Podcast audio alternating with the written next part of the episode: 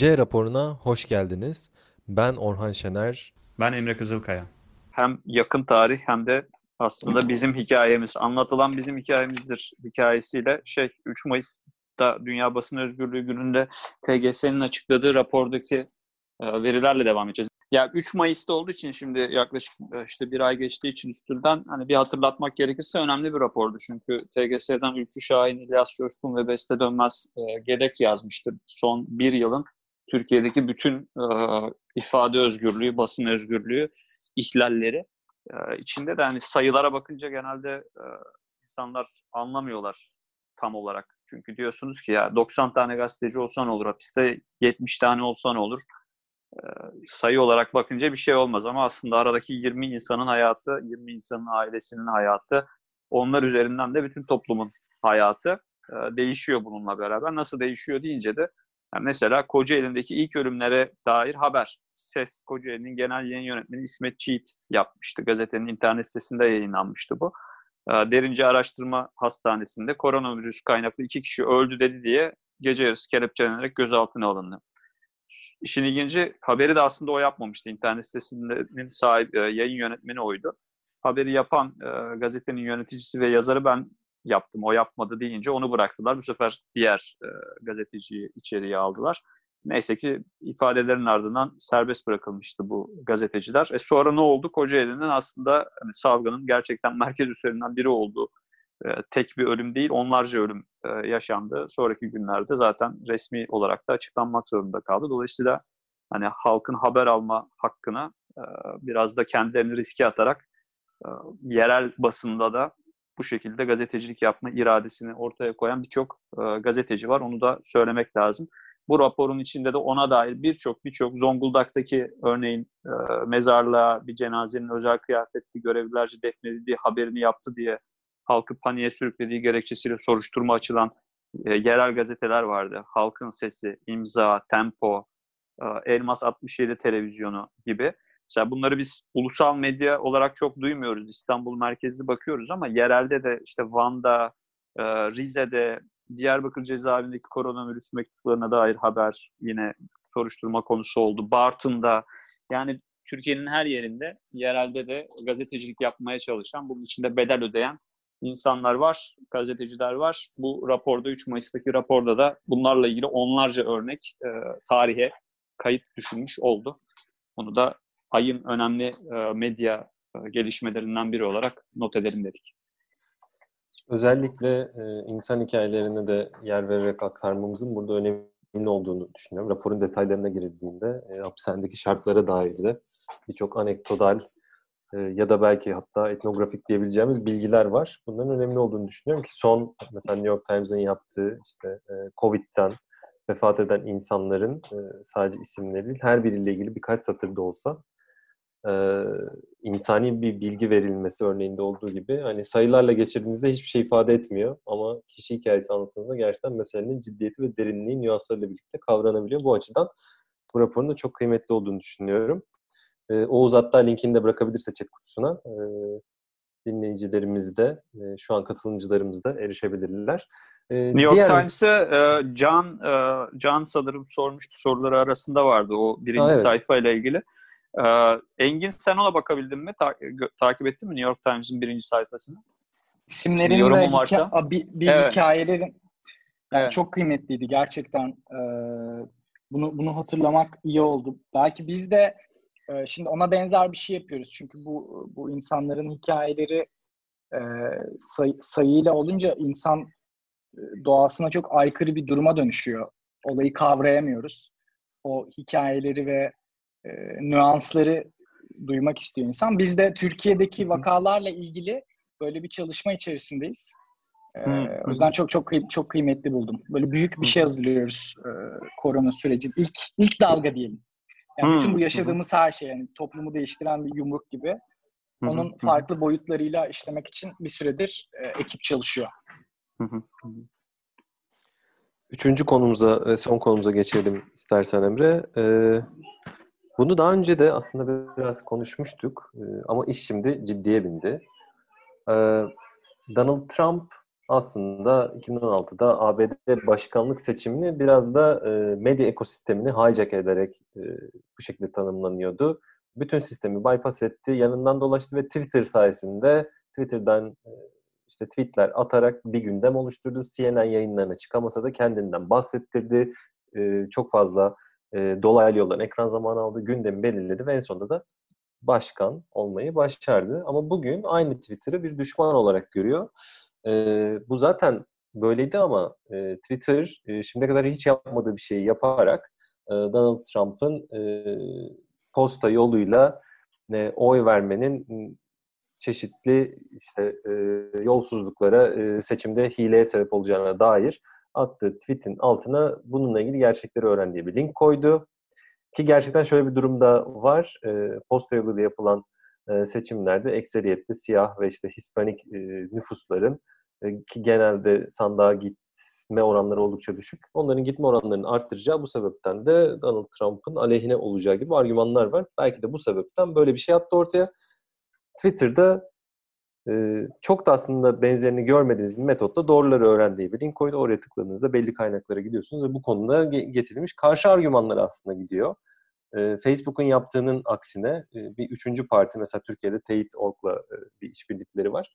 Doğrulama kuruluşu, teyit kuruluşu, fact checking kuruluşu ile değil de doğrudan kendisinin seçtiği tek bir liderin altına böyle bir şey yazdı. Donald Trump da resmen düşman ilan etti Twitter'ı ve sosyal medyanın geneline bir düzenleme getirileceği hatta gerekirse kapatılacağı bazı mecraların dendi. Burada da şey argümanına sığındı. Hani ABD'de bu kurumların e, bu kadar özgür olabilmesinin sebebi kendilerinin platform olarak tanımlanması, yayıncı değil. Platform olduğunuzda e, sizin mecranızda yayınlanan içeriklerden sorumlu değilsiniz ama yayıncı olduğunuzda sonuna kadar e, bu sorumlulukları taşıyorsunuz. E, Beyaz Saray hesabından da Donald Trump kendi hesabından da Twitter artık platform değil bir yayıncıdır dedi ve bunun ben çok ciddi bir kırılma noktası olduğunu düşünüyorum.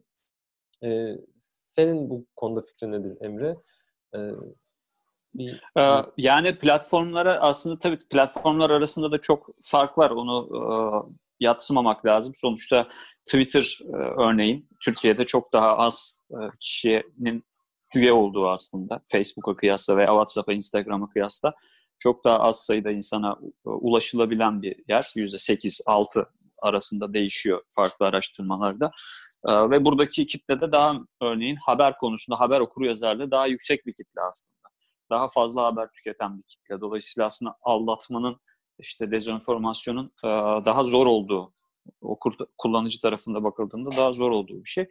Ee, bununla birlikte platformlara bir de genel bir yaklaşım var. Sonuçta mesela işte biraz önce Engin söyledi. Bir, bir içerik yapıyoruz, tehdit alıyoruz, ölüm tehdidi alıyoruz.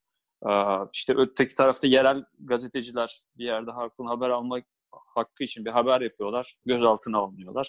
Dolayısıyla biz yayıncılar, içerik yapanlar, üretenler hep aslında kamu yararına hizmet ederken bu risklerle sürekli karşı karşıyayız. Platformlar ise diyorlar ki küresel bir pazara hakimler üstelik bunlar.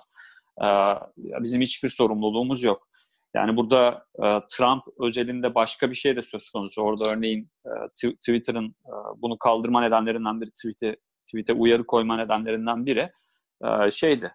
İşte şiddete teşvik etmek orada göstericilere karşı şiddet kullanılmasını savunan bir söylemi vardı çünkü Trump'ın. Ee, bu tabii ki zaten ifade özgürlüğü sınırları içerisinde korunan bir şey değil. İşte nefret suçu gibi, e, şiddete teşvik gibi konularda zaten e, kimse bu ifade özgürlüğüdür demiyor hiçbir yerde, dünyanın hiçbir yerinde. Avrupa İnsan Hakları Mahkemesi'nin içtihatlarında da bu var. Ee, bununla birlikte bir yandan da Trump konusunda özellikle peki liderler sonuçta tarihi birer figür olarak aynı zamanda bir devleti de temsil ediyorlar. Ee, yani bir platformdan yasaklanmalılar mı? Yoksa işte bu tür e, ifade özgürlüğünü de çiğneyen, o sınırlara da girmeyen e, mesajlar paylaştıklarında e, nasıl karşılık vermeliyiz? gibi bir soru çıkıyor ortaya. Burada da bir çelişki var. E, bu çelişki de daha bir şey tam çözülebilmiş değil. Tabii tabii.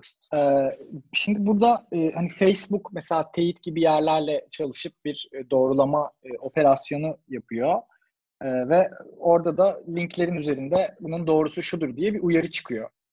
Twitter bunu e, o Twitter kurallarına göre content moderasyonuyla yapıyor. Ve bu şirket çalışanları tarafından mı yapılıyor? Ben o kısmı bilmiyorum. Yani burada mesela Twitter'da fact checker'larla çalışıyor mu? Twitter yok çalışmıyor. Facebook'ta çalışıyorlar. Twitter Türkiye'de çalışmıyor. Ee, tabii Facebook'ta da şöyle bir durum var. Sonuçta tweet hani teyidin e, insan kaynağıyla sınırlı olarak ancak o kadar sayıda yapılabiliyor. Facebook üzerinde çok çok çok daha fazla dezenformasyon olduğunu biliyoruz. Evet. Artı bunların yapılması için flag edilmesi gerekiyor. Yani flag edilmeyen bir sürü şey var. Ortada sürekli yayılıyor. E, flag edilmesi gerektiğini Facebook bence yeterince anlatamadı, anlatmadı. Bir kere bir mesaj çıktı mesela. Hani şimdi kaç kişi yapıyor gerçekten bu özelliği kullanıyor. O mesajın altına girip de teyide gönderilmesini sağlıyor bu içeriklerin. Yine sınırlı sayıda. Yani hem Twitter'da bu daha iyi daha da Twitter'da Evet. Twitter'da yani, report etme şeyi daha bence refleksi daha yüksek. Twitter'da evet report ama o da işte e, ne yapıyor? Belli çevre için kapatabiliyor. İşte ülke bazlı olarak mahkemelerden gelenleri kaldırıyor. Sadece o ülkede erişilemiyor gibi farklı farklı şeyleri var. Yani bu kadar zaman geçmesine rağmen Twitter'ın şu anda aslında hiç kimseye yanılamayan bir pozisyonda olması. Çünkü benim gördüğüm mesela Teyit'ten e, Mehmet Atakan Foça da eleştirdi Twitter'ın son e, hamlesini.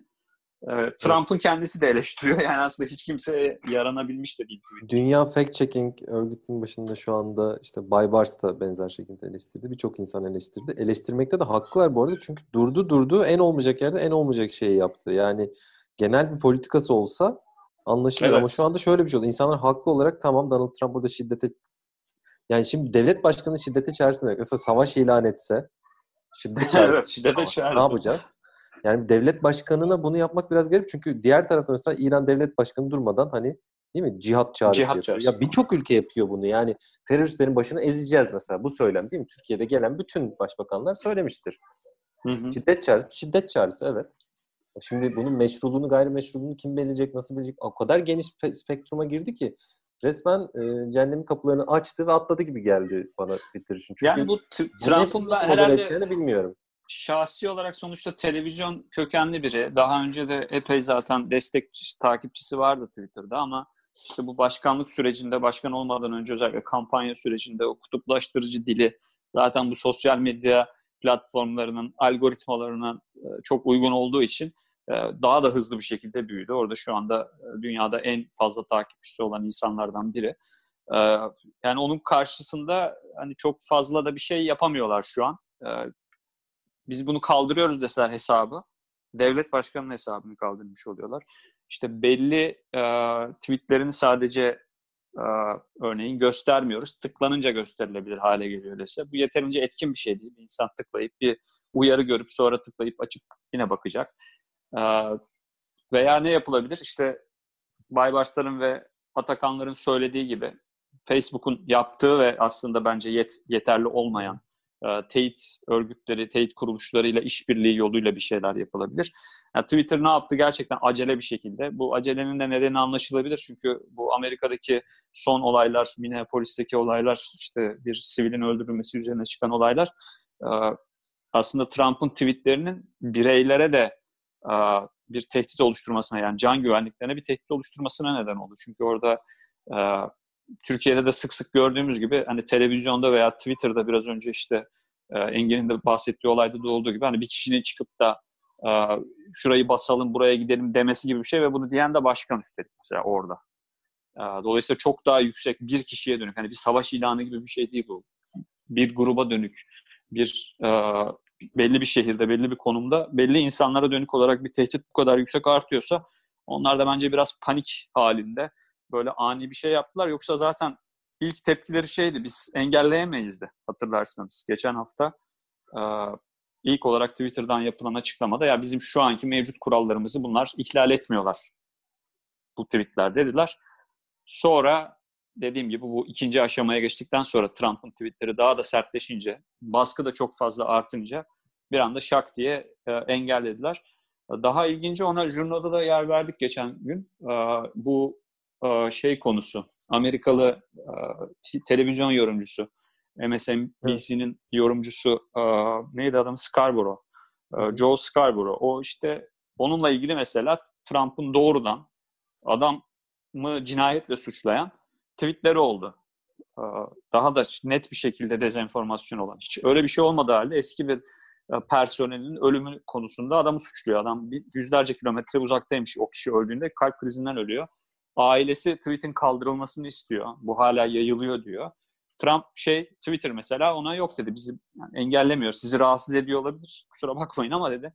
Hani aileyi de rahatsız ediyor olabilir ama bizim kendi kullanım koşullarımızı e, ihlal eden bir durum yok dedi. Facebook'tan da benzer bir açıklama geldi işin ilginci. Fakat iş böyle toplumsal olaylara işte şu anki duruma da vardığı için hani sonuçta yağmalamalar, e, büyük e, şiddet olayları, polisin de içinde olduğu şiddet olayları var. E, bence Twitter orada panikle böyle bir değişiklik yaptı. Kendi biraz keyfi olarak. Evet. Yani burada spesifik bir doğru yanlıştan ziyade genel bir kaide olmayınca hani bu kadar küresel çapta yayın yapan diyeyim tırnak içinde bir mecra için e, elinizde bir guideline de yoksa büyük sıkıntılara düşebilirsiniz. Yani yarın öbür gün mesela Türkiye'de atıyorum e, işte gezi zamanı olanlara benzer bir şey olsa mesela değil mi? Devlet yetkili İçişleri Bakanı bir şey söylese mesela bu yasaklanacak mı? Twitter tarafından. Yasaklanmayacak mı? Ya da benzer bir şey İran'da olunca ne olacak? Ya da tersine düşünelim. E, protestocu değil de terörist eylemlere varabilecek e, işte yakıp yıkma eylemlerinin yapıldığı bir e, konteks düşünelim. Çok da dünya tarafından sempati duyulmayacak eylemlerin yapıldığını. Bu durumda mesela ne olacak? Bir İçişleri Bakanı açıklama yaptığında. Yani orada spektrum o kadar geniş ki buna karar verebilecek mecran Twitter olduğunu hiç zannetmiyorum. Zuckerberg mesela bu tuzağa düşmemek için kendince çok da işin içinden çıkamamış olsa da en azından son bir, bir buçuk yıldır işte kurulmaya çalışılan artık yeni yeni herhalde icraata başlayacak olan bir özerk yapı değil mi? 50 kişi herhalde dünyadan hukuk, hı hı. siyaset, felsefe vesaire farklı alan, medya alanlardan gelen insanlardan oluşan bir e, regülatör kurum. Bir nevi yüksek, Facebook yüksek içerik mahkemesi gibi bir şey kurmaya çalışıyor. Hani bunun gibi uğraşlar var. Diğer tarafta e, üçüncü parti e, doğrulama, e, teyit kuruluşlarıyla çalışmalar var. Twitter ise gidip yani arka yüzün hiç bilmediğimiz bir süreçle sadece tek bir e, siyasinin birkaç içeriğini e, işte doğrulama tırnak içinde veyahut da sansürleme tırnak içinde gibi bir şey yaptı. Çok panikle yapıldığını düşünüyorum ama bundan sonrasında asıl bu platform değil yayıncısınız argümanı eğer genel olarak kabul edilirse bir özellikle Trump tabanında bunun çok e, ciddi bir şekilde kabul görebileceği onu da geçtim.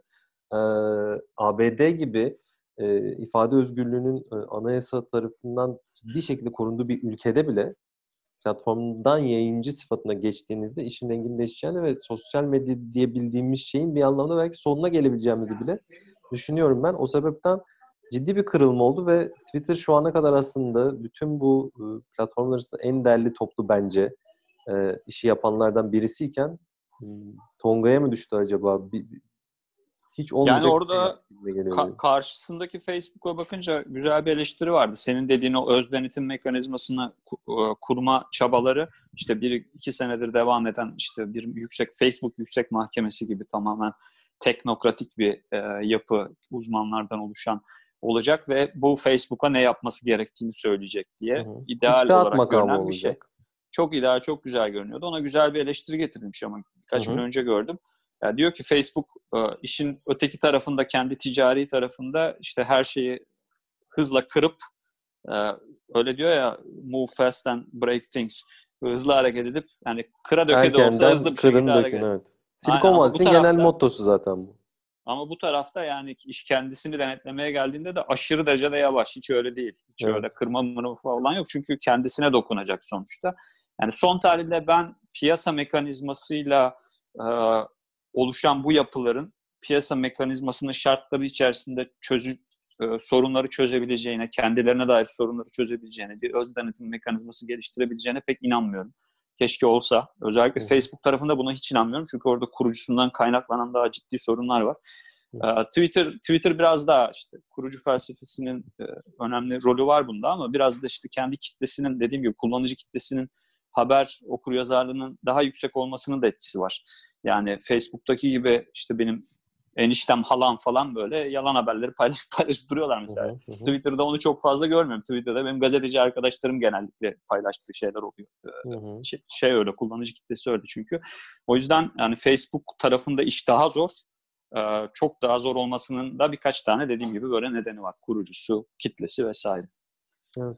Ve bundan sonra biraz da tabii ABD'nin özellikle Britanya'nın da bir yere kadar bu batı dediğimiz 50 sonrası kurulmuş yapının o ideolojik e, en azından ideolojik o çemberin içerisinden çıktığını görüyoruz. Yani bir nevi normatif pusula vazifesini yitiriyor. Eskiden mesela şöyle bir şey var değil mi? İfade özgürlüğü olsun, e, hak ve hürriyetler olsun. Böyle hususlarda Britanya, ABD örnekleri verilir. Bakın medeni dünya böyle derdik. Avrupa ile birlikte tabii ama şimdi tam tersi olduğunda e, bizim içinde olduğumuz durum gibi birçok ülkede otoriter meyilleri olan e, ülkelerde e, ABD'de bile böyle yapılıyor. Biz niye yapmayalım argümanı kolaylıkla kullanılabilecek. E, bizde de mesela sosyal medyaya işte TC kimlik numarasıyla girilmesi gibi sosyal medyanın çok ciddi zaten e, denetleniyor ama daha da ciddi bir şekilde regüle edilmesi argümanlarında müthiş bir cephane olmuş oldu aslında. Yani ABD Hı-hı. başkanı sosyal medyayı gerekirse kapatırız diyor. ABD Hı-hı. böyle yaptıktan sonra Türkiye neden yapmasın? Biz zaten dünyada özgürlükler, ifade hürriyetinin bir numaralı ülkesi olarak falan bilinmiyoruz. E, bu açıdan dünyanın geneline de e, hiç iyi örnek olmayacak gibi duruyor. Evet yani orada e, işte belki yani keşke Birleşmiş Milletler, UNESCO vesaire gibi böyle kurumlar daha uluslar e, arası kurumlar daha güçlü olsaydı da kamusal yararı ön plana çıkaran e, bir yeni bir yapı oluşturulabilseydi bu platformları denetlemek açısından söylüyorum. Çünkü uzaktan bir denetim gerektiği bence kesin. Kamu yararını gözeten, sahiden demokratik şekilde oluşturulmuş kurullar yoluyla bunun yapılması kesin. Yoksa Facebook'un atadığı kişi uzman dese, olsa da olmasa da işte mesela hızını bile Facebook'un kendisi belirliyor. Nereye kadar gidebileceklerini Facebook'un kendisi belirliyor. Orada tabii bir de şöyle ilginç bir şey var. Mesela Amerikalılar bu konuda daha pragmatiktir. İfade özgürlüğü e, konusunda mesela e, Avrupa, kıta Avrupa'sının daha normatif, daha değerlere dayanan, kavramlara dayanan. Mesela kıta Avrupa'sından biz de çoğu şeyimizi kıta Avrupa'sından aldığımız için e, hukukumuza. Yani kamu düzeni mesela var değil mi bizde? Kamu düzeni nedir şimdi? Devlet tanımlar kamu düzeninin ne olduğunu. E, mahkemeler yoluyla örneğin kamu düzeninin nerede bozulup bozulmayacağını o tanımlar. E, Amerika bunu ama Avrupa'da çok daha şey görürüz. Mesela Avrupa İnsan Hakları Mahkemesi'nin içtihatlarında e, kamu düzeni veya ifade özgürlüğü konusunda mesela şoke edici, rahatsız edici ifadelerin de e, kullanılabileceğini söyler mesela Avrupa İnsan Hakları Mahkemesi. Yani bir insanı rahatsız etmek, şoke etmek e, ediyorsanız sizin engellenmeniz gerekmez. Başka şeyler gerekir. İngiltere mesela daha farklı bu konuda. Evet. E, hakaret, iftira vesaire evet. konusunda İngiltere daha e, hassas herkese bu davaları kazanmak kolay orada. E, Amerika'ya gittiğinizde daha pragmatik bir yaklaşım var. Şu davayı biliyorsunuzdur belki. Porno, pornografi e, konusunda Amerika'da 3-4 tane büyük dava vardır. Ee, farklı eyaletlerle ya da federal e, anayasa mahkemesi, Amerikan Yüksek Mahkemesi ile olan davalar. Ee, orada bir e, yüksek yargıcın bir ifadesi var mesela.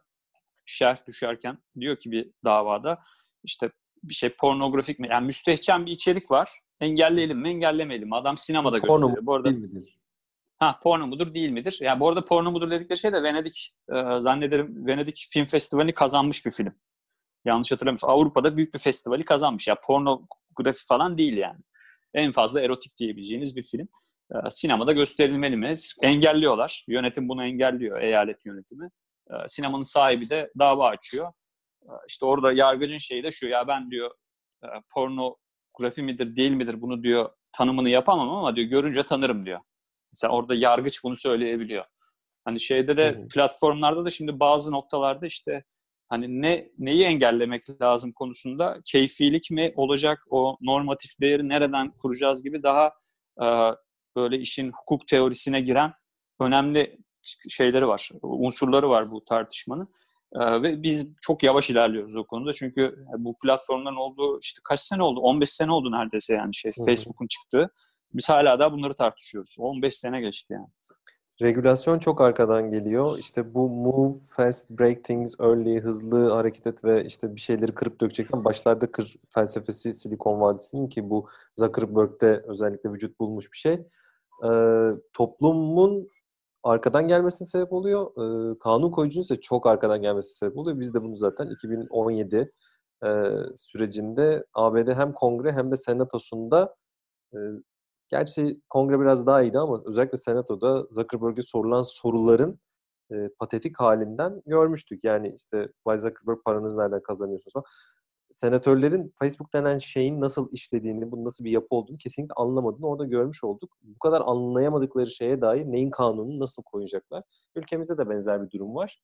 Ee, bir yandan da Türkiye'nin aslında böyle gündemlerde öncü ülkede olduğunu görmüş olduk. Yani gerçekten bizim 4-5 sene önce konuştuğumuz, hatta daha önceden konuştuğumuz şeyleri AB'de yeni yeni konuşuyor gibi de bir e, durum çıktı ortaya. E, belki de m, popülizmin ilk kalelerinden birisi olarak Türkiye'den öğrenecek çok şey var e, Batı dünyası adına. Senin ekleyeceğin bir şey var mı Emre? Yok, çok teşekkür ederim herkese. Bütün katılımcılarımıza e, teşekkür ediyorum. Avrupa Birliği'nin destekleriyle eğitimlerini ve etkinliklerini sürdürülmekte olan TGS Akademi ve Jurno.com.tr'nin birlikte yayınladığı bu J raporunun sonuna geldik. Bir ay sonra tekrar buluşmak, görüşmek üzere, hoşçakalın.